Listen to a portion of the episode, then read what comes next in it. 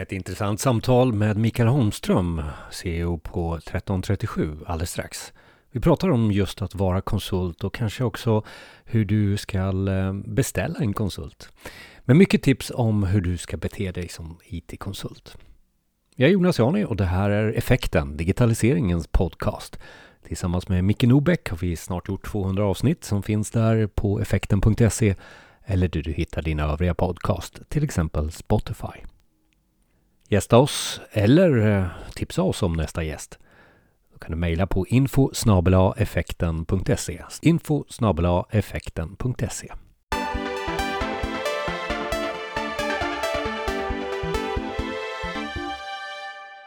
Podden Nyfiken på IT-konsulter och välkommen till podden Mikael. Tack så jättemycket, kul att vara här. Och Mikael, det här med, ska vi ta det här, vad är, vad är IT-konsult för dig då till att börja med?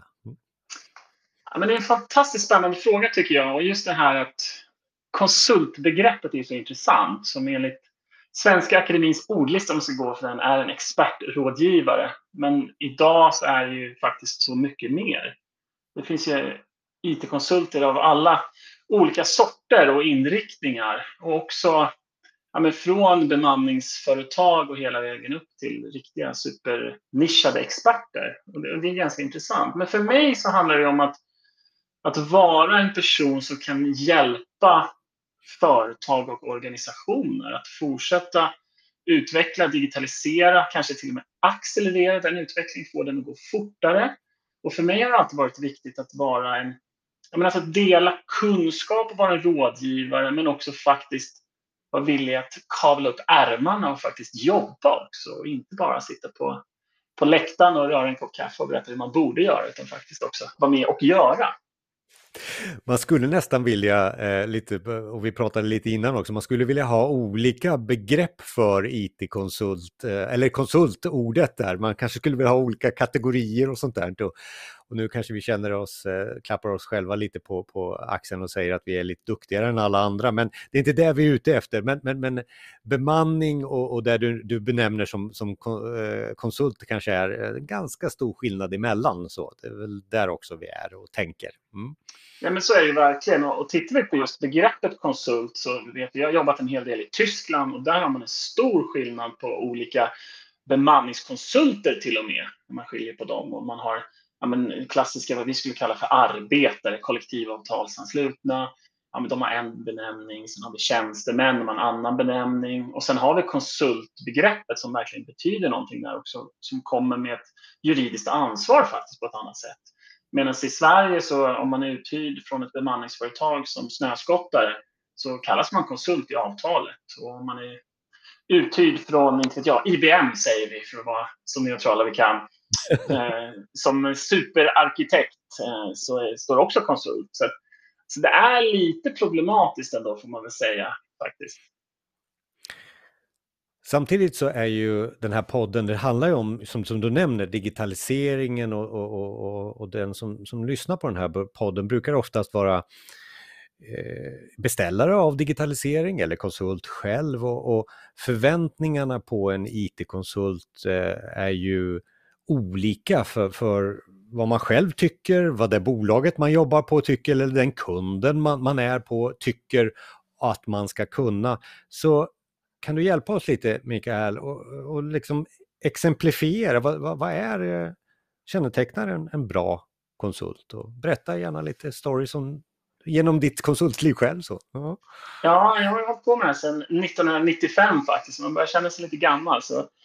Men det jag har kokat ner det till är egentligen det du var inne på, att som konsult finns man ju till för kunden. Så det handlar ju om att förstå kundens förväntningar och ta ansvar som konsult och försöka förstå det. Och ett jättebra exempel är faktiskt en av mina fortfarande väldigt goda vänner som jag jobbade med i ett konsultbolag som heter Q-branch på 90-talet faktiskt. Robert, som var kortväxt, eh, eller är fortfarande, och 93 centimeter lång igen. Men en fantastisk IT-konsult på den tiden. Och han var ju tvingad på ett sätt att göra otroligt noggranna förberedelser inför varje nytt uppdrag.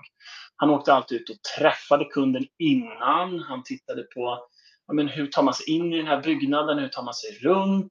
De är väldigt noggranna med att förstå vad vill de ha ut av mig, vad förväntar de sig och också kommunicera vad han kan och inte kan. Men det här är på den tiden man eh, bar servrar och sånt, vilket han inte kunde göra. Så det var han väldigt noga med att poängtera. Men däremot då, att sätta upp servrarna eh, det är inget problem, men rent fysiskt kan jag inte göra det. Så, så det tycker jag är ett väldigt bra exempel på.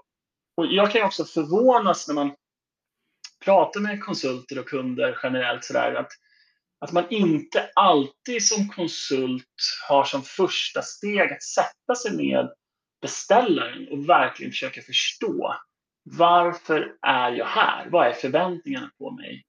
Och i det också faktiskt vara så men perceptiv och försöka förstå mellan raderna också. För det står ju oftast i någon slags kontrakt, alltså, men vi har fått uppdrag för att vi ska göra det här. Men vad är det mer som förväntas av mig? Är det med kunskapsdelning, energiboost? Är det, det finns så mycket mer runt omkring i de här mjuka värdena. Så att, ja, det där tror jag att vi kan bli mycket bättre på och borde jobba med varje dag. Alltså hur, hur blir man bättre på det? Det känns ju jättejobbigt och du pratade, det är nästan så här empati och hela den här jag brukar kalla det human skills eller mjuka värden som oftast eh, brukar vara gångbart. Har det blivit viktigare menar du nu eller? Eh, jag tror att just empati är jag ett eh, stort fan av, om man nu kan vara det. Och för mig handlar det om att kunna sätta sig in i kundens situation. Och ibland så ser man ju och hör i, både på, på nyheter och populärkultur och allt vad det är, att man har liksom en ja, men lite så här nidbild av konsulten. Att det är något drygskåp som kommer ut och det är oftast en han och han tror att han är lite bättre än de andra. Och och det tycker jag är en otroligt farlig inställning till livet i allmänhet. Utan jag tycker att man ska ha ett stort mått av empati och verkligen sätta sig i kundens skor och försöka förstå. Varför ser det ut så här? Hur hamnade vi här? Vad är det som ligger bakom det här? Vad är det jag inte kanske har fått information direkt? Och sen såklart inte vara en ja-sägare och bara stryka medhårs. Det är inte det vi pratar om. Utan men att ta ett steg tillbaka och försöka förstå. För man har stött på genom åren, jag har som sagt hållit på ett tag, och liksom dryga konsulter som kommer in och liksom, ah, men hur kan man vara så här korkad? Och det vet man väl. Och hur tänkte de här? Och liksom hånfullt. Och, oh, då börjar alla mina hår på ryggen ställas upp och då blir man riktigt arg.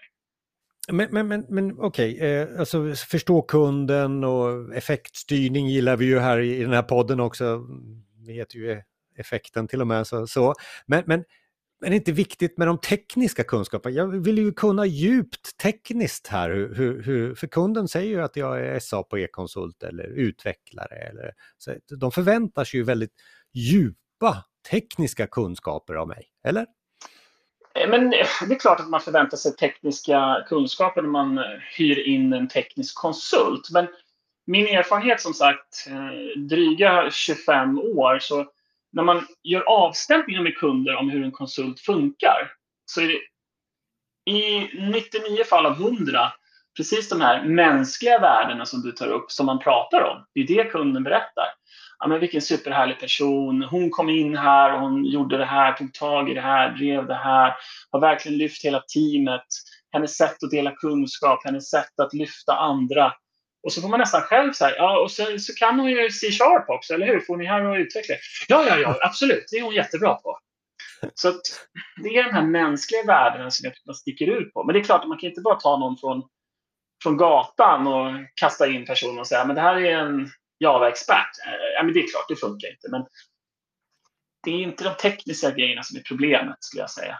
Nej, och nu är vi väl inne på hur ska jag då som beställare av digitalisering till konsultbolag specificera och, och, och, kravställa på att jag vill ha den här personen som faktiskt kommer göra uppdraget till mig. Och då är det ju svårt att skriva de här mänskliga sakerna i, i tron att personen kan Java. Eh, eh så att det, man måste ju kanske sätta sig empati igen då i beställaren att försöka hitta någon balans här. Eh, och det är väl min erfarenhet kanske här som jag projekterar till dig, att eh, eh, det är problematiken också i det här. Mm. Nej, men det är de här mjuka värdena och det är där oftast tycker jag att CV är ju rätt så intetsägande. Utan det är först i själva intervjun som nästan alltid är en del av processen som de andra värdena kommer fram. Om man ur ett kundperspektiv kan hitta och kanske också få lite nya insikter. Att vi gick in i den här processen att vi tänkte att vi behövde en sån här expert. Men ju mer vi har pratat med olika kandidater så har vi insett att ah, det är nog kanske viktigare än vad vi hade tänkt oss med de här delarna. Så där tror jag att där måste man jobba tillsammans. Och jag tror ändå faktiskt att dokumentera förväntningarna så gott det bara går. Och sen också faktiskt, vilket vi alltid gör hos oss, Eh, följ upp dem efter tre veckor. Blev det som vi hade tänkt oss? Hur, hur ser det ut egentligen? Vi sa när vi kom in att det skulle vara så här. Vi hade ett jättebra för snack första dagen och nu tre veckor senare har vi som beställare levt upp till förväntningarna. Och givetvis också vända på det sen. Har du levt upp till förväntningarna som konsult? Och där ser vi också i den här otroligt snabbrörliga världen som vi lever i. Vi har ett så här citat som om man har hängt med när jag varit och skrivit på olika ställen och talat så brukar jag alltid prata om det här Justin Trudeau-citatet att The pace of change has never been this fast, yet it will never be this slow again. Så att det är inte så konstigt om det här uppdraget som vi specificerade för någon månad eller två sedan nu faktiskt har ändrats på grund av saker som har hänt. Och det är inget konstigt, där måste vi vara flexibla och bara hänga med.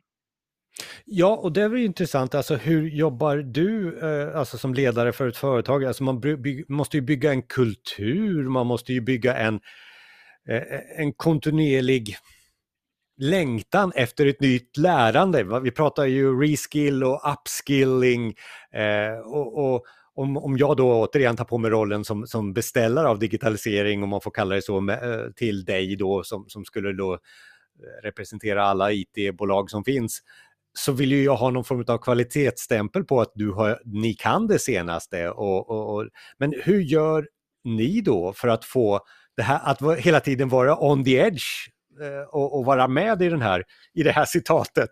Mm. så.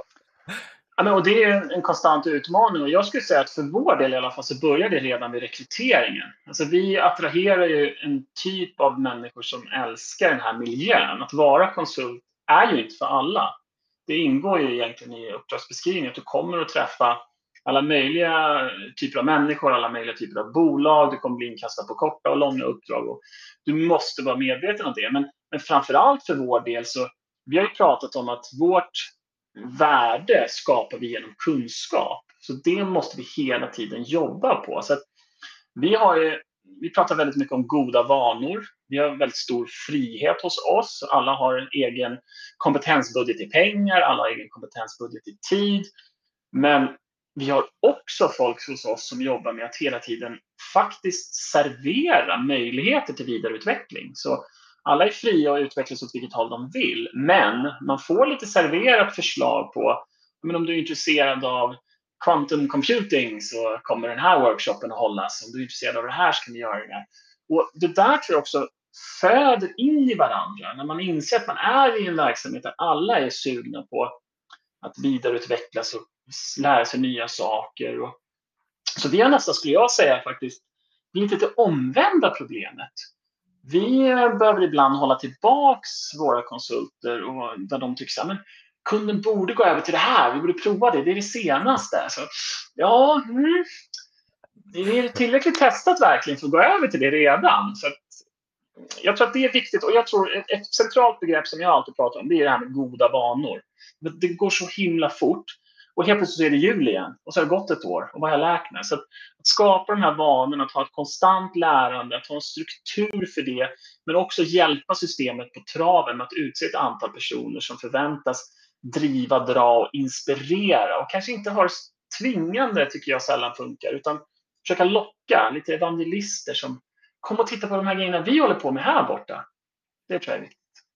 Men, men samtidigt är det som du säger att det, även, om, även om vi, vi vill kanske då lära då eh, konsulterna som du säger i någon form av det här är det kunderna använder sig av, det är C-sharp och det är .NET om man ska ta systemutveckling och sådär.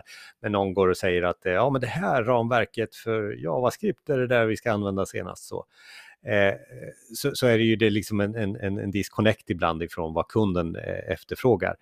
Men på andra sidan, och jag vet inte om du känner så, de kunderna man träffar har ju alla blivit techbolag. Alltså alla kan ju teknik nu. Så är inte det så att vi måste kittla våra kunder också med lite av det, det, det nya här också, inte bara svara på ja korrekt, jag, jag svarar C-sharp här. Ja, så, eller? Nej, men 100 procent. Och det är oerhört glädjande att vi, vi, delar den här uppfattningen att alla blir techbolag. Det är ju verkligen någonting som vi tror extremt hårt på. Där sticker vi ut hakan lite grann när vi pratar med andra konsultbolag. För vi säger till våra kunder att ni ska äga er egen tech. Ni ska inte vara beroende av konsultbolag. Och då är det rätt många som hajar till och säger oj, vänta, det var lite oväntat. Hur menar ni? Och, och för oss blir det ganska naturligt. Alltså, även om vi vill vara en långsiktig partner så är det viktigt att i den här nya världen när alla blir techbolag, då blir det en strategisk resurs. Det är ju verksamheten. Och att då vara beroende av ett konsultbolag tycker vi känns jättekonstigt. Utan vi ska ju snarare stötta och hjälpa till. Men, men, i den processen så är det givetvis så att vi måste hjälpa våra kunder också att hitta ute i liksom framkant. Vad är det senaste och vad tror vi på? Men det är där jag menar också att vi måste ha den här förståelsen för kundsituationen. Att vi ska inte rekommendera eller pitcha saker för att vi tycker det verkar coolt, utan vi måste hela tiden tänka ja, men är det här coolt för kunden? Vad är det för effekt vi vill uppnå med det här? Och i sådana fall, är det här rätt verktyg för att nå dit?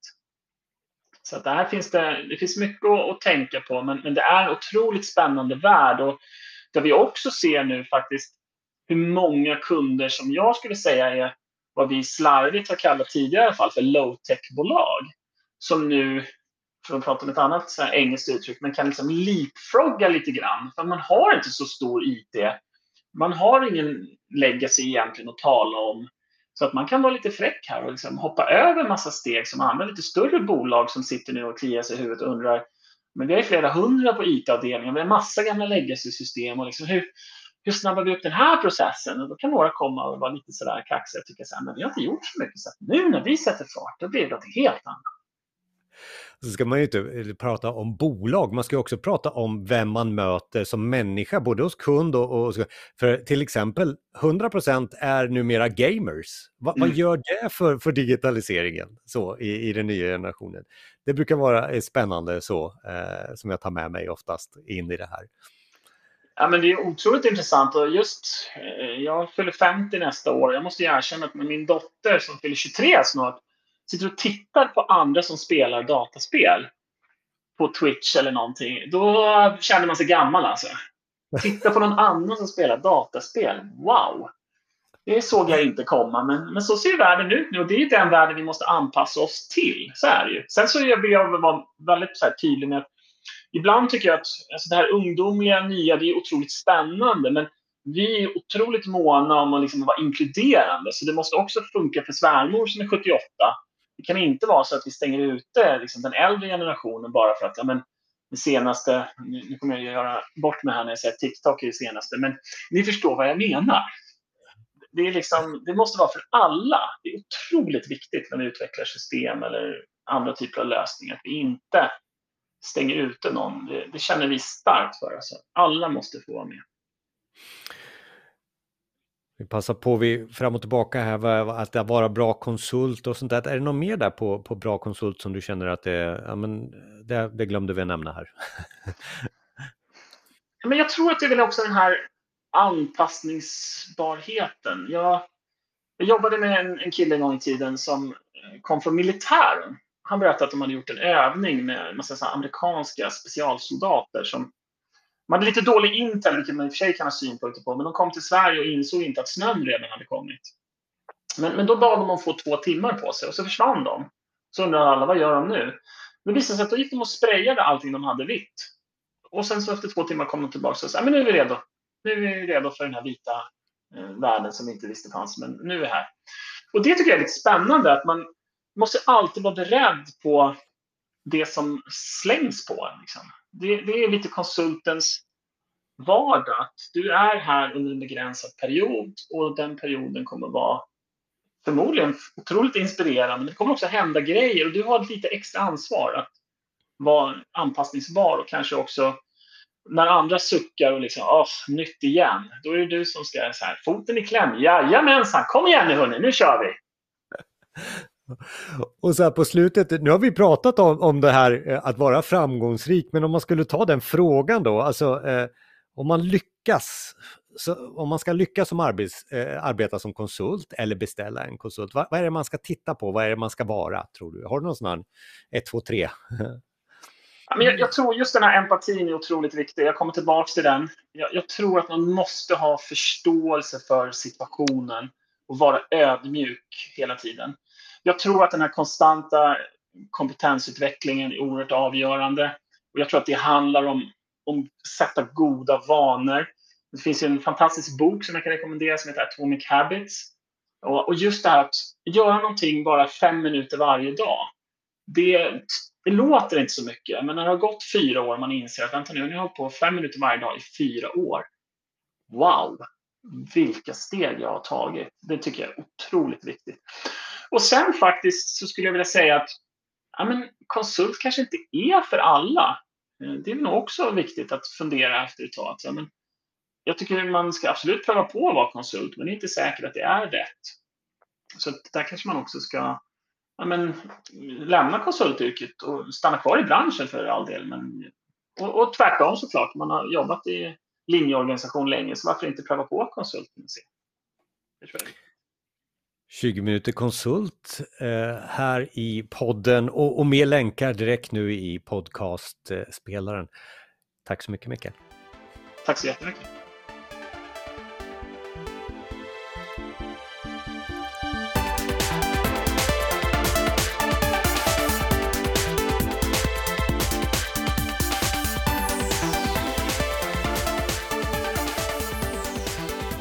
kontaktuppgifter till Mikael Holmström och till podden förstås direkt i din podcastspelare just nu eller på effekten.se.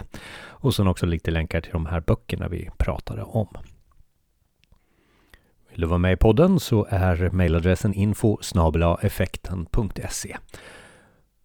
Podden som vi kallar Digitaliseringens podcast görs utav mig, Jonas Jani och Micke Nobäck. Och vi finns på Liveström också, eller live-radio om du så vill. Eh, streamen där finns på effekten.se radio. Vi presenterar de bästa avsnitten både från oss själva och eh, digitala poddar från nationellt och internationellt. Ta det vidare i digitalisering, bli lite klokare, få lite mera erfarenheter och goda exempel. Det är det vi står för, så vi hörs nästa gång.